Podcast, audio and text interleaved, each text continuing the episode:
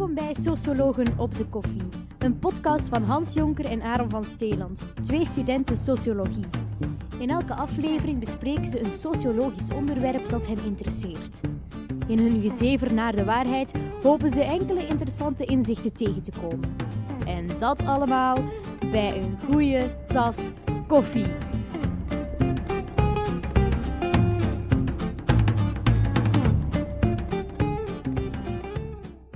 Welkom bij Sociologen op de Koffie. Ik ben Aaron van Steeland en dit is aflevering 5. Het is een uh, jubileumaflevering. Deze keer mag Hans het thema kiezen. Dus Hans, zeg eens, welk is het thema voor vandaag? Goh, ik denk dat het thema al uh, in de titel zit, maar uh, we gaan het over dus, partnerkeuzes hebben. We gaan het vooral hebben over relaties, over huwelijken, over duurzame verbindenissen die twee mensen met elkaar aangaan in onze moderne tijd.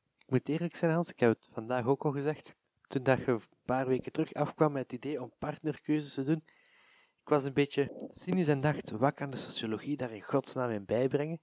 Ik heb nu de outline gisteren gekregen. Het heeft mij gerustgesteld. Er is inderdaad heel veel sociologische lectuur rond, maar kun je even de luisteraars ook overtuigen dat partnerkeuze, relaties, een sociologisch thema is? Jazeker. Een relatie is iets wat heel veel mensen doen. Dat is dus een sociaal fenomeen wat heel veel gebeurt. En een sociaal fenomeen wat heel veel gebeurt, dat, dat werpt al direct vragen op van hoe gaan mensen daarmee om? Op welke manieren geven zij dat zin? En welke patronen vinden we daarin? En dat is denk ik uh, de, de, meerwaarde van de sociologie daarin. Dat is gaan kijken naar die bredere patronen van partnerkeuzes, die, die zogezegd individuele gedragingen. Hoe kunnen we daar patronen in vinden en hoe kunnen we bredere verhalen vinden in die schijnbaar individuele keuzes die partners maken. Dus dat is denk ik het perspectief van de sociologie. De meerwaarde van de sociologie is denk ik dat het ook kan vormgeven aan een maatschappijbeeld over partnerkeuze. Dat is een beetje, beetje precair soms, maar dat, dat maatschappijbeeld, laten we zo zeggen dat, dat een relatie in onze maatschappij toch wel een heel belangrijke waarde is. En dan vind ik het ook heel interessant om daar dat sociologisch te benaderen, zeg maar. Inderdaad, want ik denk dat zeker ook een deel van de sociologische waarde zit in het feit dat het ook zo cultureel bepaald is. Heel vaak doen wij alsof dat relaties iets is dat van nature groeit, maar ik ben daar zelden van overtuigd, omdat voor een groot stuk dat sociologisch is van aard. Ik zeg nu maar iets, men in Azië Aziatische landen zoals Afghanistan, Pakistan trouwt op heel vroege leeftijd en hier heel laat, ja, dat betekent dat er patronen zijn en inderdaad de sociologie daar iets over te zeggen heeft, over welke patronen er zijn en van waaruit die patronen soms ook komen, want er zit, zoals bij heel wat zaken in de sociologie, een heel grote geschiedenis aan. Zouden we ons kunnen inleiden in welke patronen op dit moment te zien zijn bij huwelijken, partnerkeuzes? Jazeker, dat zijn er uh, om te beginnen heel veel, dus we gaan hier voor vandaag sowieso een selectie maken. Een hele interessante sociologische insteek vind is partners vrij homogeen zijn. We zien dat eigenlijk steeds opnieuw terugkomen. Het wordt wel heterogener, maar mensen kiezen nog steeds een partner die gelijkaardige kenmerken heeft.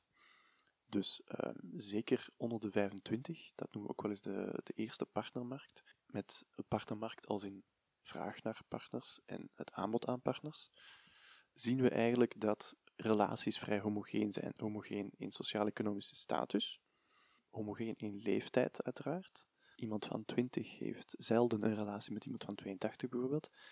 Uh, homogene opleiding vind ik persoonlijk een heel interessante. En etniciteit, denk aan het Afghaanse voorbeeld wat je gaf. Dus daar heeft ook uh, religie mee te maken. En dat heeft eigenlijk mee te maken dat je in, op de eerste markt onder de 25, de kans is heel groot dat je een partner gaat krijgen. Het is zelfs zo hoog dat, dat sommige sociologen zeggen van onder je 25ste is het niet zozeer een kwestie of je een partner gaat krijgen, maar wanneer je een partner gaat krijgen. En dat is eigenlijk omdat jonge mensen enorm veel nieuwe gelijksoortige mensen tegenkomen. Dat is in een context van het uitgaan, het, het op vakantie gaan, eigenlijk recreatie. Denk aan een feest. Jonge mensen gaan heel veel feesten, daar komen ze. Dat is, ik denk, de grootste aanleiding dat partners nu samen zijn, is omdat ze elkaar ontmoet hebben op, op een feestje of op vakantie of tijdens het uitgaan. Vrienden en kennissen. je gaat zien dat vrienden en kennissen ook meestal gelijkaardig SES-kenmerken hebben. Dus hogescholen hebben heel vaak hogeschoolde vrienden, ook omdat ze dezelfde opleiding volgen. binnen diezelfde opleiding zit je natuurlijk samen voor een heel bepaalde tijd in een bepaalde ruimte met, met gelijksoortige mensen. Je moet groepswerken maken, je leert nieuwe mensen kennen. Later ook op het werk leer je ook nieuwe mensen kennen. En nieuw sinds de laatste vijf jaar is ook het internet. Dat mensen elkaar daar vinden. Daar gaan we het later nog zeker over hebben.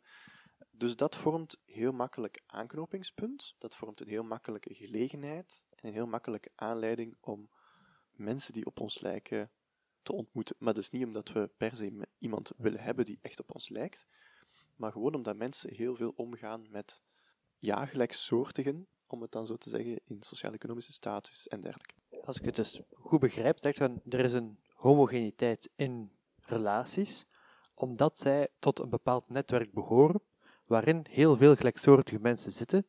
En wanneer men in een nieuw netwerk aanknopt, dat dat heel vaak ook gelijksoortige mensen zijn, omdat we nu eenmaal elkaar tegenkomen op plaatsen waar we zelf ook geïnteresseerd in zijn. Als wij naar, zeg maar eens, elkaar leren kennen tijdens een opleiding, ja, dan volgt die opleiding omdat je daarin geïnteresseerd bent. Dus dat je inderdaad zegt van, je komt op plaatsen waar je al een gelijksoortig kenmerk hebt. Mag ik die theorie ook aanvullen met een tweede verklaring naast de netwerktheorie?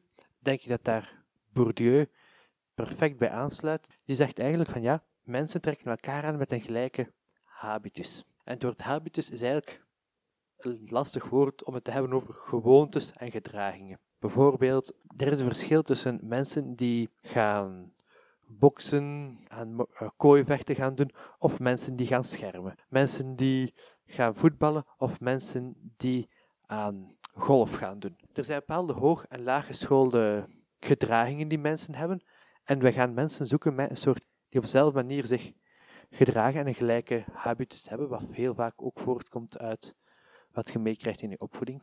Dat is eigenlijk heel interessant, omdat dat vormt eigenlijk een tegengewicht tegen wat dat toch wel een dominante overtuiging is in onze maatschappij, dat het, met, dat het aan hormonen en DNA een verliefdheid zou liggen. Dus dat, dat speelt ongetwijfeld ook een rol. Ik ga me daar vandaag eigenlijk niet zo heel veel over uitspreken, omdat ik daar eigenlijk geen fluit van af weet. Maar ja, we zien eigenlijk dat mensen verliefd worden op dingen die ze herkennen van zichzelf in een ander. Dus dat is misschien een soort narcistisch kantje van de mens, dat hij eigenlijk op zoek is naar bepaalde delen van zichzelf. Maar eigenlijk is het ook vrij logisch in de zin van, je hebt hetzelfde referentiekader over iets. Je kan het op dezelfde manier hebben over iets. En het, is, nou, het schijnt ook heel belangrijk dat je, dat je netwerk en de mensen rondom jou jouw partner goed vinden, aanvaarden. Dat komt heel veel voor in vrij religieuze kringen, dat het netwerk, het religieuze netwerk, het heel belangrijk vindt dat de partner op dezelfde lijn zit wat betreft spirituele, religieuze beleving. Een interessante aanvulling van iets dat ik over laatst las. We zeggen nu in religieuze gemeenschappen dat het belangrijk is om dezelfde religie te hebben. Um, over laatst las ik een studie in, van Amerika, waarbij dat ongeveer hetzelfde begint te komen op basis van politieke voorkeur.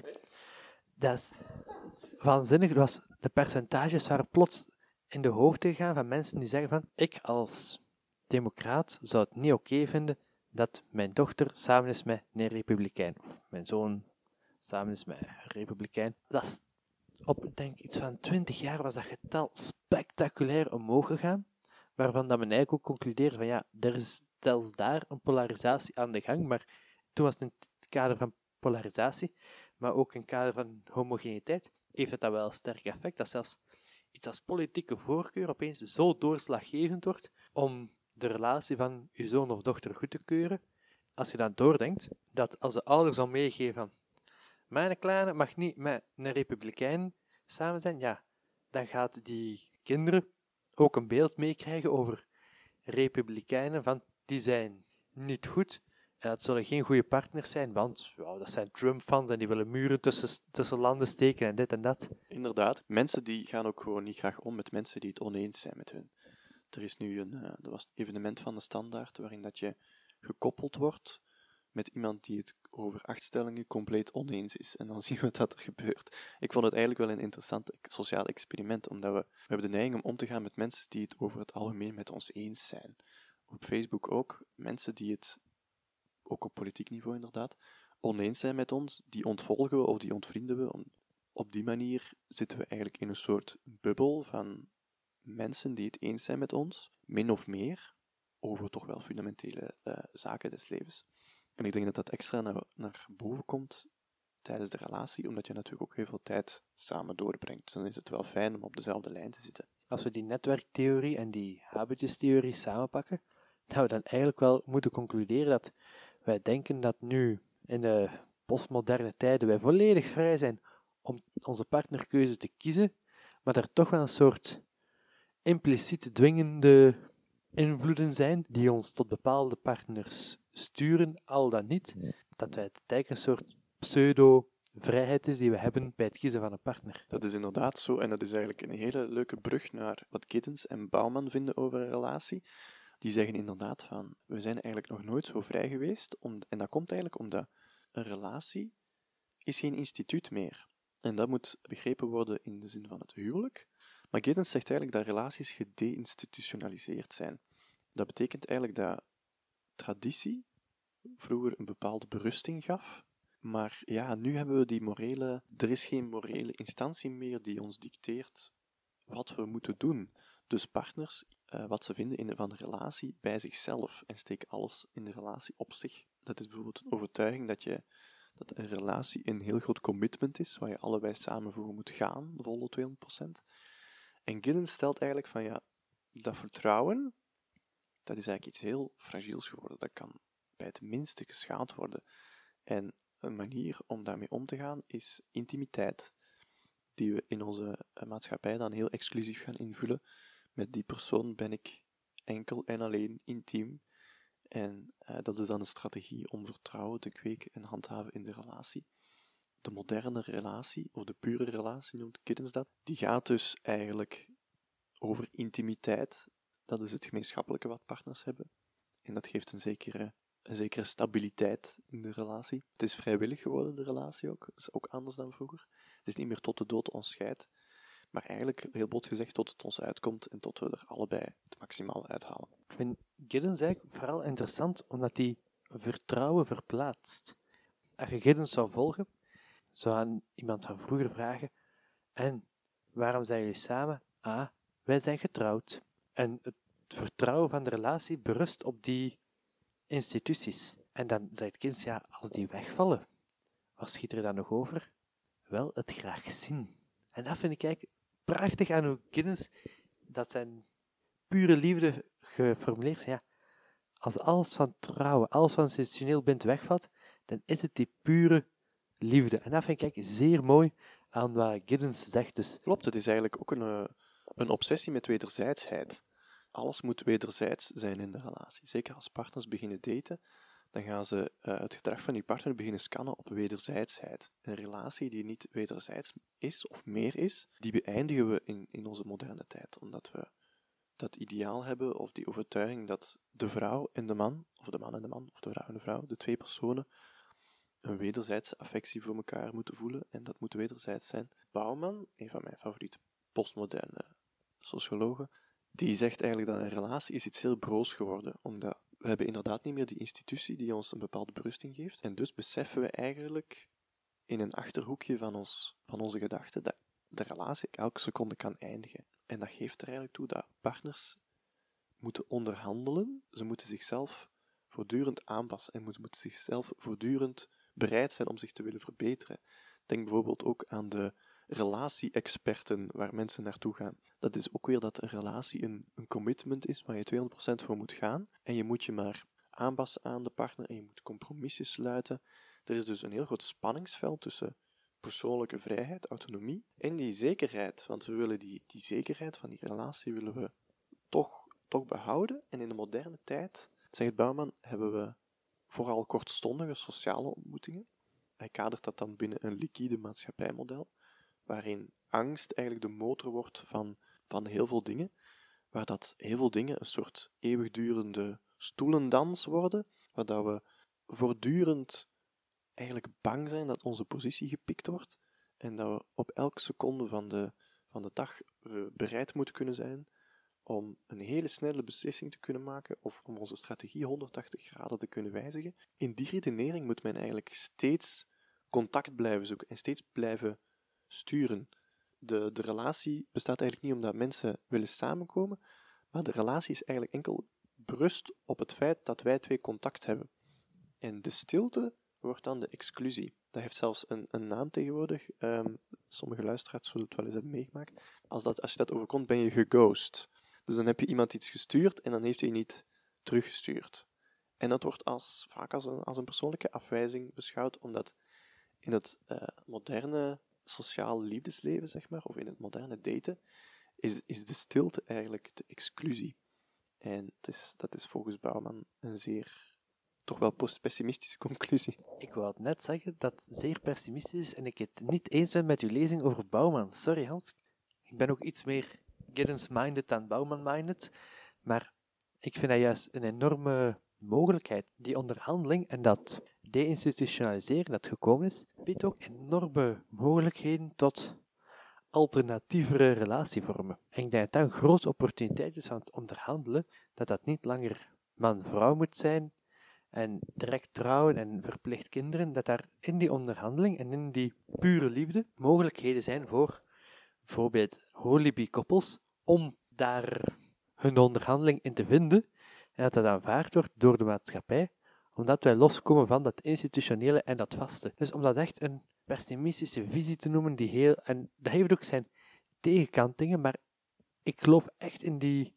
mogelijkheden dat het met zich meebrengt voor een soort relatievrijheid en dat, dat de relatie echt tot zijn essentie brengt, namelijk liefde en affectie tussen twee mensen, in tegenstelling tot liefde tot de dood ons scheidt, omdat we dat gezegd hebben tegen de priester. Dus ik denk dat juist die pure liefde van Giddens, die consensus, die onderhandeling, mogelijkheden geeft tot holibi-koppels of, ja, ik wil zeggen, relaties die afwijken van de norm van heel veel vroeger. Klinkt misschien wat denigrerend afwijkend, maar die niet bestaan uit man en vrouw in de traditionele visie. Daar is nu eindelijk mogelijkheden voor, juist door die institutionalisering. Dus ik vind dat juist iets zeer positief. Het is, uh, het, is, is, is maar hoe je het bekijkt. Bouwman is natuurlijk één perspectief. Die heeft een vrij pessimistische analyse over de staat van de maatschappij. Zeker als je zijn boeken leest over uh, de bureaucratisering van de Holocaust eigenlijk. Dat is een zeer pessimistische maatschappijanalyse. Maar het is, het is ook maar een perspectief wat we kunnen hanteren en het is niet het een of het ander. Maar het is interessant dat je zegt dat het net meer mogelijkheden geeft, omdat het dan over de essentie van de relatie gaat. En dat is die wederzijdse vrije wil, liefde, zeg maar. Maar dat is eigenlijk een vrij recent fenomeen. We kunnen dat even kaderen in de geschiedenis. Uh, dat gaat eigenlijk terug naar het belang van het huwelijk, waar vroeger de relatie was ingekaderd. Het huwelijk gaat eigenlijk, is, een, is een duurzame verbindenis tussen twee personen. En die gaat eigenlijk terug naar, ik denk, Mesopotamië, waar ze zelfs geschrift hebben gevonden van twee mensen die, die zo'n band met elkaar aangingen. Een huwelijk was vroeger eigenlijk, draaide eigenlijk om, om macht en economisch belang. Dat was eigenlijk een strategie van families om de macht te bewaren. Denk bijvoorbeeld, misschien een extreem voorbeeld, aan prinsessen die uitgetrouwd werden met strategisch geplaatste uh, mannen in bepaalde rijken, zodat de familie daar ook macht aan had. Dat romantische ideaal wat je eigenlijk beschrijft, dat is eigenlijk ontstaan pas in de, het burgerlijke ideaal. Het is eigenlijk pas ontstaan in de 18e, 19e eeuw, tijdens de industrialisering, de urbanisering. Toen werd het eigenlijk het idee van, je moet een bepaalde liefde voor die persoon hebben, je moet de partner ook op een of andere manier aantrekkelijk vinden. Het idee dat er liefde speelt in een huwelijk en in een relatie, is eigenlijk nog maar grofweg 200 jaar oud. Dit is eigenlijk heel lang een instituut geweest. Dus ik, ik snap je redenering ook wel. Zeker in de jaren 50 was een huwelijk echt een instituut. Dat is iets wat je gewoon deed op vrij vroege leeftijd. Je leerde iemand kennen. Als je dan als, als man werk had, dan ging je eerst trouwen met die vrouw en dan kreeg, ging je samenwonen en dan kreeg je kinderen. Dat was echt een soort, soort mini-gezinsfabriekje wat, waar de man de kost verdiende en de vrouw voor de kinderen zorgde. In de jaren 70 wordt dat, evolueert dat naar meer een soort egalitaire kameraadschapverdeling, maar nog steeds met een duidelijke taakverdeling.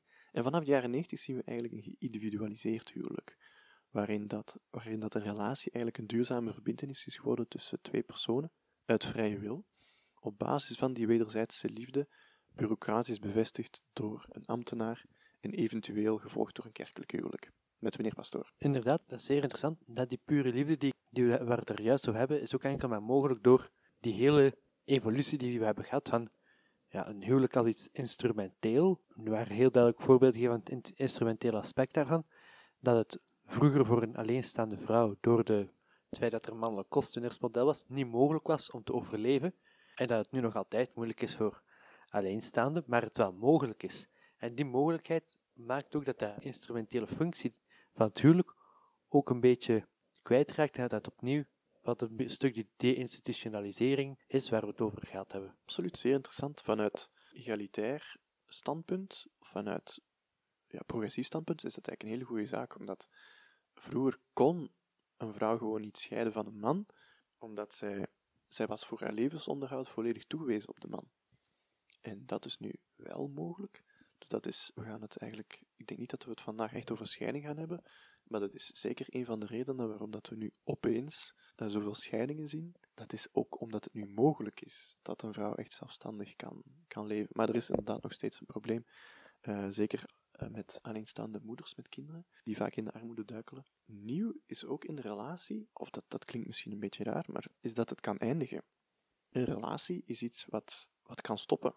Dat was een hele lange tijd, werd dat eigenlijk onder de tafel gepraat van dat is eigenlijk niet de bedoeling. Maar nu, nu kan het eindigen. Het is niet meer onverbrekelijk.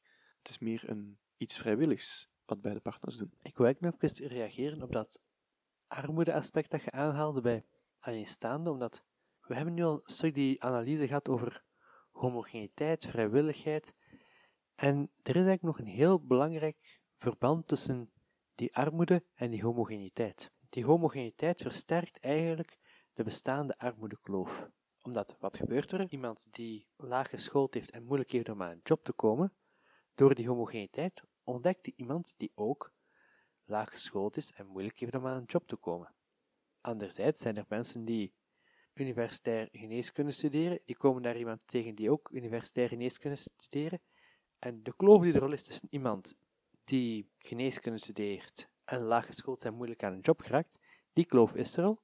En die kloof wordt nog eens verdubbeld door het feit dat die nog eens iemand van een eigen categorie, eigen categorie klinkt zo grof, iemand met een eigen habitus zoeken, waardoor dat ja, twee, twee uh, dokters en twee mensen met, die het moeilijk hebben om aan werk te geraken, dat die kloof eigenlijk nog groter wordt door die homogeniteit. Dat is zeer zeker een heel interessante. Dus uh, we zouden zeker kunnen zeggen dat de partnerkeuze toch wel sociale ongelijkheid op een bepaalde manier betoneert. Het, het kan wel hoor, dat je nat natuurlijk, zeker, zeker de laatste jaren gebeurt dat wel veel meer. Vooral op de tweede partnermarkt, dat is als vanaf de 30, 40, als mensen al bijvoorbeeld een scheiding hebben meegemaakt, dan komen ze op de tweede partnermarkt. Daar heb je wel heterogenere uh, koppels, zeg maar, van, van verschillende standen. En het internet speelt daar ook wel in mee. Het heeft zelfs een naam, dat als je, als je date met iemand die een lagere sociaal-economische status heeft, dat heet downdaten. En eigenlijk is dat enigszins sociaal aanvaard voor mannen, om, dat heet dan, een beetje denigrerend vind ik, laag te trouwen. Dus dat is met een vrouw om te gaan die een lagere sociaal-economische status heeft. Voor vrouwen is dat nog enigszins not done. Eh, het voorbeeld daarvan, ik ben een grote Woody Allen fan, um, u weet of u weet het niet, is een van zijn films is uh, Whatever Works. En dat is een, uh, een oude man van, ik denk, 60, een beetje een beetje mopperkont die constant commentaar geeft op alles en zweetaanvallen krijgt s'nachts. Die, uh, die leert eigenlijk een, een, die leert een hele jonge vrouw kennen. Zo'n zo beetje iemand uit de Deep South, die, die uit een heel moeilijke gezinssituatie is, is ontsnapt en op straat woont en alleen leeft. En hij is nucleair professor in de kwantumchemica of zoiets. En die krijgen dan een relatie, die beginnen dan te, trouwen. Hij downdate dan eigenlijk, of hij, hij laag trouwt dan met haar. Nee, het geeft heel veel complicaties. Uh, ik kan nog wat zeggen over dat huwelijk, want je zou dus kunnen zeggen van, is die relatie hetgeen wat nog overblijft? Waarom trouwen mensen dan nog? En sociologen zeggen eigenlijk van, trouwen is geen instituut meer, dus dat heeft vandaag meer een symbolische betekenis. Dat is een soort, ja, een soort bevestiging, symbolische bevestiging van de bond die je hebt. Een soort symbolische garantie die je aflegt. Het is eigenlijk veel meer een bevestiging geworden van prestige, geld en rijkdom. En dat vond ik een hele interessante analyse. Er is ook een filmpje gemaakt, Adam Ruins Everything. Moet maar eens opzoeken over, over huwelijken. Waarin hij het hele concept huwelijk deconstrueert als een heel narcistisch toneelspel van prestige, geld en, en rijkdom. En hij stelt eigenlijk dat de huwelijksindustrie heeft het huwelijk overgenomen. En die claimt eigenlijk het monopolie op het belangrijkste moment in je leven, of de belangrijkste dag in je leven, wat trouwens ook, ook maar een idee is, waardoor dat zij de prijs enorm hoog duwen. Je hebt dan zo van die slogans van, uh, dat wordt dan gejustificeerd met, je trouwt maar één keer, wat ook niet waar is, meestal. Dat, dat is ook de hele hardnekkige overtuiging dat een relatie voor altijd is, wat ook een flagrante ontkenning van de werkelijkheid is trouwens. Een heel groot voordeel van die huwelijksindustrie, of van die kapitalisering, als ik het even marxistisch mag kaderen, is de huwelijksring, of de verlovingsring. Die is eigenlijk geclaimd in de jaren 20 door de diamantindustrie, waarin dat de diamant eigenlijk werd voorgesteld, of de diamantenring, als een symbool van echte liefde. En Diamonds are forever was de slogan. En dat, dat, dat gaf je dan aan je partner. En dat was dan een symbool van jullie liefdesband die voor altijd zou duren en nooit zou eindigen. Dus de huwelijksring wordt dan een symbool, wat dat, wat dat lijkt te bevestigen. En uh, die huwelijksindustrie moedigt mensen aan om op een hele dure manier te trouwen. Met hele aangeprezen attributen zoals zilverbestek, wat je eigenlijk totaal niet nodig hebt, denk daar eens even aan. Dure locaties zoals kastelen en, en, en koetsen. En het is ook opvallend, uh, je hebt zoiets als de wedding tax. Denk bijvoorbeeld, als mensen willen trouwen, denk dan ook aan de catering, de fotograaf en de patissier. Die gaan allemaal meer vragen omdat het een huwelijk is. En dat heet dan de wedding tax. Het gekke is dus eigenlijk dat ja, dat, dat overgenomen is door een bepaalde industrie. Je zegt er is heel veel symbool, maar heel veel van die symbolen brengt jij terug tot een vrij, vrij hedendaagse zaken. Terwijl voor een stuk gaat dat al veel verder terug, die symboliek daarin. En die symboliek die vooral neerkomt op prestige. Bijvoorbeeld de witte jurk bij de vrouw is daar het ideaal voorbeeld van. Dit dateert uit de tijd van Queen Victoria. Toen kon men eigenlijk witte jurken nog niet goed wassen. En dat waren dus altijd kleren voor eenmalig te dragen.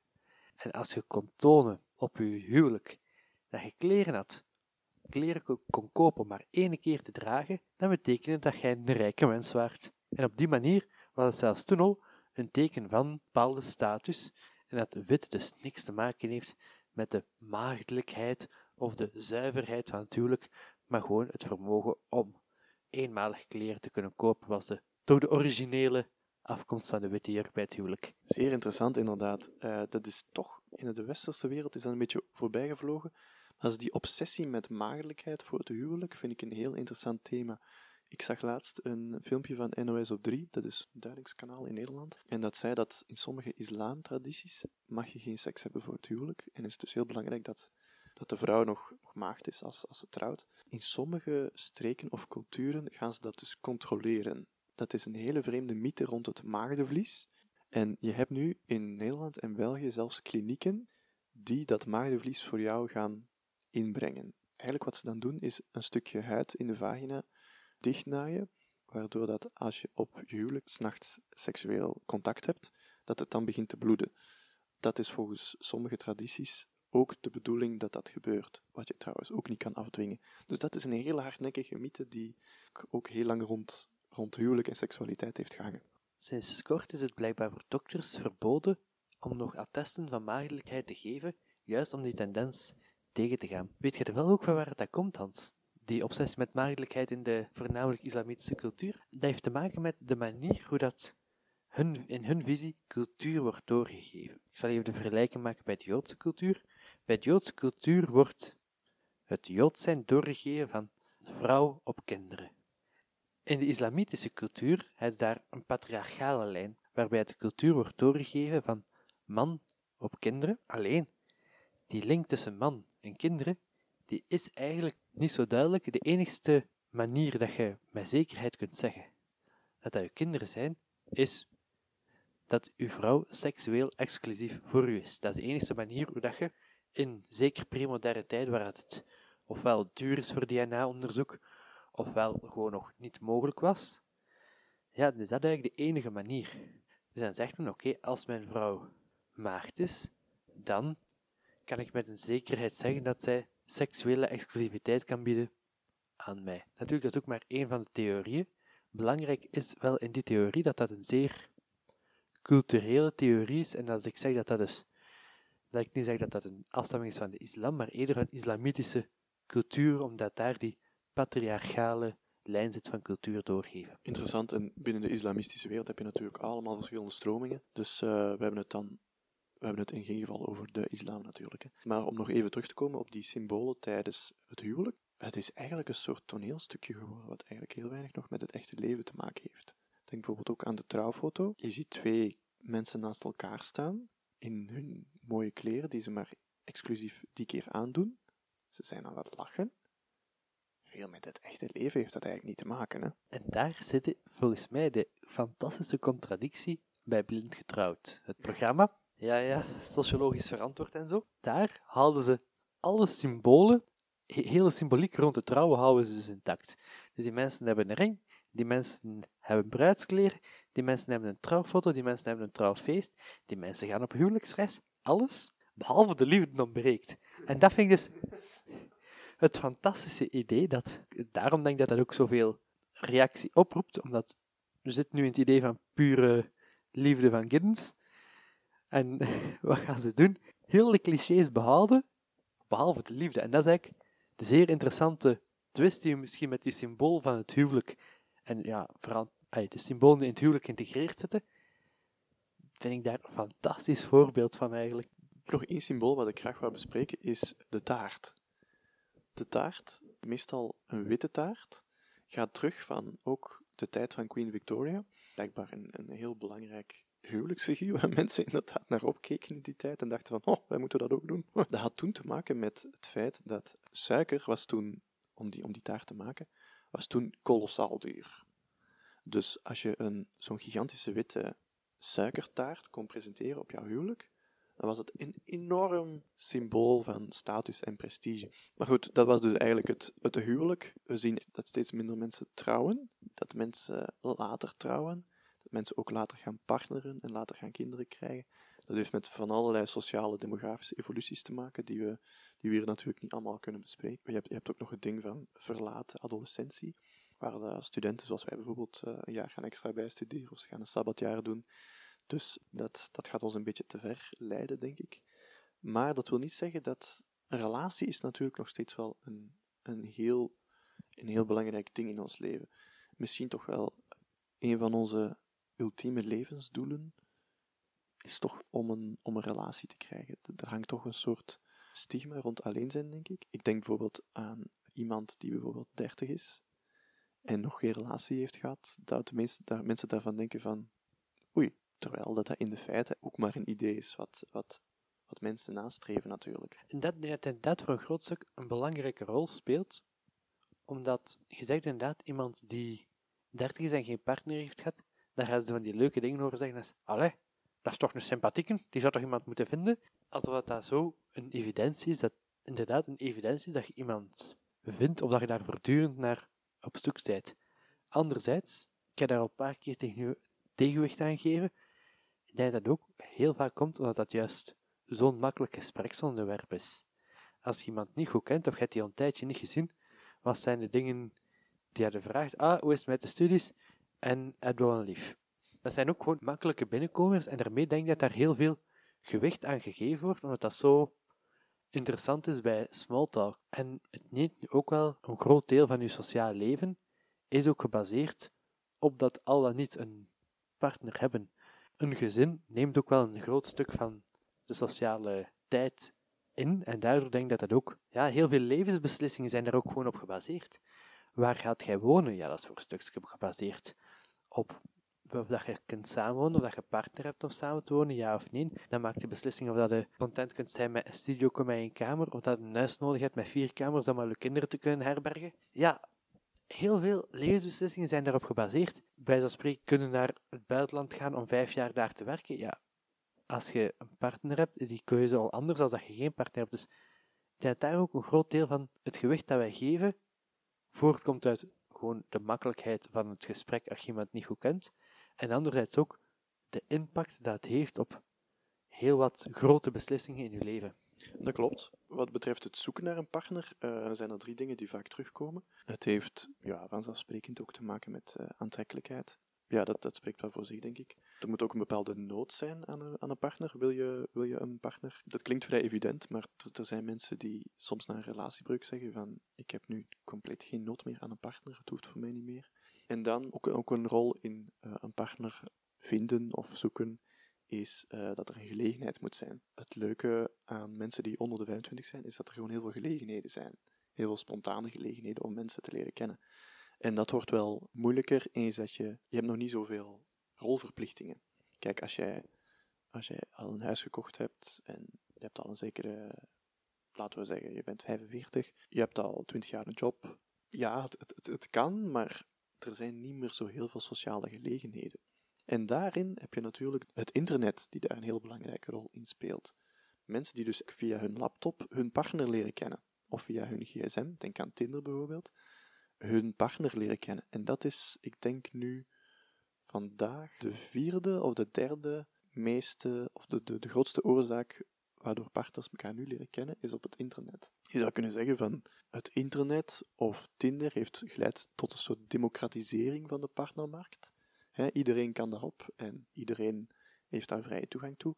Maar eigenlijk zien we dat die, dat die internet-partnermarkt steeds meer begint te segregeren steeds exclusiever wordt ingevuld. Dus je hebt bijvoorbeeld dating sites waar enkel hoger geschoolden toegelaten zijn. Heel veel dating sites moet je je ook inkopen met een heel groot bedrag aan geld wat je dan moet storten. Of hebben een maandelijks abonnementsysteem van, ja, ik ken de bedragen niet omdat ik daar nooit op ga.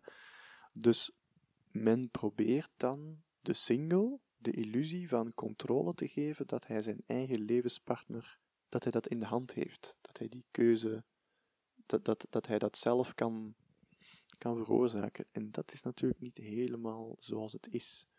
Dus we zien eigenlijk dat die dingen steeds exclusiever worden. Dat men de rijkste probeert te koppelen aan de rijkste bijvoorbeeld. En dat je dus echt al exclusieve eliteclubjes hebt van ja, poelen aan singles die men aan elkaar probeert te klikken met geregelde dates die men probeert te regelen. Wat trouwens ook het, het, het regelen aan, aan dates is trouwens iets wat teruggaat naar de 17e eeuw. Dat is eigenlijk helemaal niet zo'n modern fenomeen. Toen dat, de, toen dat de families overeenkwamen van die en die, die personen zijn beschikbaar. En toen ging de man op bezoek bij de vrouw. En dan ging die daar bij haar thuis uh, koffie of thee drinken. En dan gingen die daar uh, ja, praten over van allerlei dingen. En dan achteraf moest de man dan aan de familie laten weten of dat het zag zitten of niet. Ja, soms werd de toestemming van de vrouw gevraagd, soms ook helemaal niet. Dus het regelen aan dates gaat terug naar die tijd. Dat is eigenlijk helemaal niet zo'n recent fenomeen. Maar jij wou nog iets zeggen. Als je bepaalde sites hebt, dat inderdaad een beetje wordt voorgeregeld, vooral door voorselecties op basis van je kenmerken. Dat ze gaan zeggen van, ah, oh, die, die heeft zoveel procent match met je, want die voetbalt ook. Of die zit ook, is ook daar naar school geweest. Of... En er is eigenlijk zo een fantastische anekdote van een avond dat ze gepland hadden, waarbij je op basis van kenmerken gematcht zou worden en met die persoon konden dan gaan eten. Dat was het systeem dat ze bedacht hadden en ze hadden daar computer een algoritme voor gemaakt, je gaf kenmerken in en die ging uw beste match zoeken. Alleen, er is iets fantastisch fout gelopen op die avond. Er was een tweeling en die zijn aan elkaar gekoppeld. Want ja, ene was een jongen, de andere was een meisje. En ja, die hadden uiteraard heel veel gemeenschappelijke kenmerken. Ik vond dat best uh, een geestige anekdote. Ik wou het uh, tot slot nog hebben over relatieverslaving. Dat is een hele interessante insteek die Jan Geurts aangeeft. Dat is geen socioloog, maar die heeft wel een hele interessante visie daarover. Die zegt eigenlijk dat we in onze moderne tijd, dat heel veel mensen verslaafd zijn aan hun partner. Dat die eigenlijk niet zonder hun partner kunnen omdat ze hebben hun partner eigenlijk verantwoordelijk gesteld voor hun eigen geluk en hun eigen levensdoel. En dat maakt eigenlijk dat je allerlei soorten gedrag kan verklaren door die verslaving. En hij begint eigenlijk zijn analyse met, met een ego. En dat is volgens hem een aangeleerd zelfbeeld. En dat is meestal negatief geformuleerd. Dat gaat volgens hem terug naar onze kindertijd, toen we erachter kwamen dat we eigenlijk vrij hulpeloze wezens zijn en dat we eigenlijk aangewezen zijn op de liefde van anderen om ons goed te voelen. En dat geraken we eigenlijk als volwassenen niet kwijt. Integendeel, heel veel mensen in zijn redenering hebben nog steeds het gevoel dat het de ander is die ons gelukkig moet maken. Dat het ander is die verantwoordelijkheid is, die verantwoordelijk is over uh, onze gevoelstoestand en ons geluk. En dat zie je eigenlijk heel sterk terug met daten, waarin dat het, het daten als iets heel spannends wordt gezien, omdat het, ja, natuurlijk wederzijds zijn. Dus als je, als je verliefd bent, dan gebeurt er volgens Jan Geurts eigenlijk twee dingen tegelijk. Enerzijds triggert dat een heel warm, gelukzalig gevoel van, oh, zij is het, zij is het. Uh, je begint te, te dromen naar die persoon, je begint te denken aan die persoon. Er komen allerlei gelukzalige stofjes vrij in je hersenen, waardoor je je goed voelt en je kan niet meer eten en je voelt je echt gelukzalig. En tegelijkertijd triggert dat tot ook een heel diep gevoel van angst op, van ben ik dat wel waard om, om, om, die persoon, om bij die persoon te zijn. En je ziet eigenlijk dat verliefde partners in het begin van het datingproces naar geruststellingen beginnen zoeken, of manieren beginnen te bedenken om die angst toe te dekken. En een van die strategieën is het blijven sturen bijvoorbeeld, het, het toetsen op weder, wederkerigheid, omdat ze heel bang zijn om afgewezen te worden door die persoon. En als je dan wel een relatie hebt, dan zie je dat partners zich heel snel gaan uh, wikkelen in een bepaalde rol als partner, met bepaalde rolattributen en rolverwachtingen, en dat de liefde eigenlijk voor een heel groot stuk verdwijnt tussen, tussen vier muren in een huisje, boompje, tuintje, ingedommeld rollenpatroon van de partner zijn van iemand. En eigenlijk heel weinig nog onderscheid maken tussen, tussen wie je zelf bent als persoon. Ik denk dat we Aaron kwijt zijn.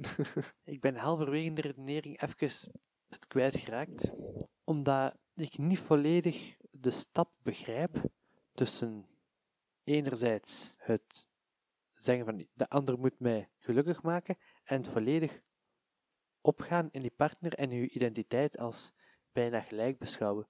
Zou die overgang in de redenering nog even kunnen toelichten, want ik was u eventjes kwijt daar. In de, in de redenering zegt Jan Geurts eigenlijk, we zijn eigenlijk heel bang om afgewezen te worden. En we vinden die relatie dus, we zien dat eigenlijk als een soort ultiem levensdoel. Dus we willen die vasthouden. We willen dat gevoel nooit meer kwijtgeraken. We willen die andere persoon ook nooit meer kwijtgeraken. Dus we gaan allemaal dingen verzinnen, waardoor dat we een soort schijnzekerheid hebben of een soort schijngarantie dat die persoon bij ons gaat blijven. We kopen bijvoorbeeld een huis. Ook natuurlijk omdat men, hè, men samen een huis wil kopen. Maar dat is ook een strategie om bij elkaar te blijven. Of men krijgt kinderen, of men, men adopteert een kat, of men, men zoekt iets om in een bepaalde rol als partner te zitten. Want als men in die rol als partner zit, dan heeft men een bepaalde berusting. En dan hoeft men niet meer zo bang te zijn. Maar eigenlijk, door in die rol te gaan zitten, stelt Jan Geus, verdwijnt de liefde een beetje, omdat de, de liefde floreert het beste tussen twee zelfstandige individuen. En je ziet heel vaak dat verliefde partners delen van hun zelfstandigheid gaan opgeven voor de stabiliteit van de relatie. Denk bijvoorbeeld aan een vrouw die bijvoorbeeld uh, danst, maar de man wordt daar heel zenuwachtig van, omdat zij zich moet omkleden in, in kamers met mannen. Dan gaat die vrouw bijvoorbeeld vanuit die relatieverslaving haar dansen opgeven. En zij gaat dus haar eigen identiteit, haar eigen zelfstandigheid inperken. Hij noemt het dan de, de zelfamputatie, voor de veiligheid van de relatie. En zo verdwijnt eigenlijk steeds meer de verliefdheid in een rollenpatroon. Ik denk dat ik snap dat de waar je naartoe wilt. En zijn van, als je inderdaad, je bent verliefd en uit die drang van liefde doe je van alles om die persoon gelukkig te stellen en ga daar heel veel commitment in steken, waardoor je een stuk van je eigenheid verliest. Ik was in mijn hoofd, zag ik het als twee Venn-diagrammetjes. Dat je een je cirkel hebt, en de ander heeft ook een cirkel, en je gaat proberen om zoveel mogelijk die overlap met elkaar te creëren door steeds meer zaken van uit eigen naar het gezamenlijke cirkeltje te steken. Misschien zit daar wel een interessante link naar die deinstitutionalisering. Omdat je zit met inderdaad die onzekerheid van ja, die persoon kan in C weggaan, want we hebben geen instituten zoals huwelijk die ervoor zorgt dat hij tot eind der tijden zal blijven. Dus ik ga het instrumentaliseren door gezamenlijk een huis te kopen, door bepaalde, in de plaats van dat ze als de ene partner danst, te gaan zeggen van, weet je wat, we gaan gaan partnerdansen. Dat je dat gaat combineren, dat je voor bepaalde eigen vriendengroepen gaat combineren. Maar wat dan, ja, voor een stuk is dat inderdaad een strategie die voortkomt uit die deinstitutionalisering. En anderzijds is dat misschien ook wel de gewone gang van zaken. Dat zodra je een relatie start, dat je dan zegt van oké, wij zijn op een manier een eenheid, dus moeten wij ook wel samen dingen gaan doen, want anders zijn we gewoon twee individuen die in hetzelfde huis wonen en samen slapen en voor de rest niks samen doen. Misschien dat ook een stuk gewoon de natuur, eh, natuurlijke tendens van het huwelijk in de westerse samenleving, dat er bepaalde zaken gedeeld moeten worden. Oké Hans, ik denk dat we afronden voor deze. Ze hoeven niet allemaal een uur en half te duren. Maar ik zou graag toch nog even een kort overzicht geven van wat we allemaal gezegd hebben. Enerzijds denk ik dat die homogeniteit echt wel een belangrijk thema is, dat wij zoeken naar mensen met gelijke kenmerken en dat dat komt door het feit dat we gewoon in dezelfde netwerken zitten, dat wij mensen leren kennen op plaatsen waar we zelf ook graag zijn, dus gedeelde kenmerken hebben, dat op het feestje van, de, van bepaalde studentengroep, dat dat logisch is dat je mensen leert kennen van diezelfde opleiding of van dezelfde universiteit, van dezelfde regio, dat dat ook een stuk met habitus te maken heeft, dat je zoekt naar mensen met gelijke gewoontes, mensen met gelijke interesses, mensen met gelijke hobby's, dat die homogeniteit vooral tegenkomt in de eerste partnermarkt, onder de 25, maar dat er dan weer totaal andere tendensen zijn op een tweede partnermarkt, boven de 25, waar, dat er, waar dat het tegenkomen van mensen veel minder evident is door het aantal gelegenheden dat daalt, maar dat er wel ook grotere heterogeniteit is. Belangrijk, waar we ook heel veel over gaat hebben, is het concept van het huwelijk als dat het eigenlijk heel veel symboliek in zit en een zeer interessante deconstructie van al wat wij als evident beschouwen als onderdeel van een huwelijk, dat dat heel vaak terug te brengen is in zijn originele oorsprong op zaken die te maken hebben met status, zoals dat de witte kleren die men draagt, of de hoeveelheid suiker dat er in je taart zit, dat dat elementen zijn die ja, teruggaan op status tonen en status verwerven. Ook belangrijk de theorieën van Giddens en Bouwman die we hebben gehad vandaag, dat er een grote verschuiving is geweest en een sterke deinstitutionalisering van het huwelijk, dat het niet meer bij de kerk is tot einde der tijden en dat het niet meer verplichtend karakter heeft, maar verschoven is naar een soort vrijwillige consensus die vluchtiger is, maar ook mogelijkheden biedt tot alternatievere samenlevingsvormen, om het zo te zeggen. Ik denk dat we nog een klein stukje gehad hebben over internet, waar dat bij een nieuwe manier is om mensen te leren kennen op basis van al reeds genomen matches met een bepaalde voorselectie. En uiteindelijk de afsluiter met de relatieverslaving over hoe dat mensen proberen de onzekerheid van de eh, deinstitutionalisering te compenseren met een gezamenlijke commitment. Hans, dan wil ik je nog enorm bedanken voor deze interessante uiteenzetting. Ik vond het zeer mooi vandaag. Ik heb tot de conclusie gekomen dat ik vandaag geen vragen heb moeten stellen, wat dus eigenlijk betekent dat wij kei aanvullend waren vandaag. Dat is een interessante podcast en jullie bedankt voor het luisteren naar Sociologen op de koffie.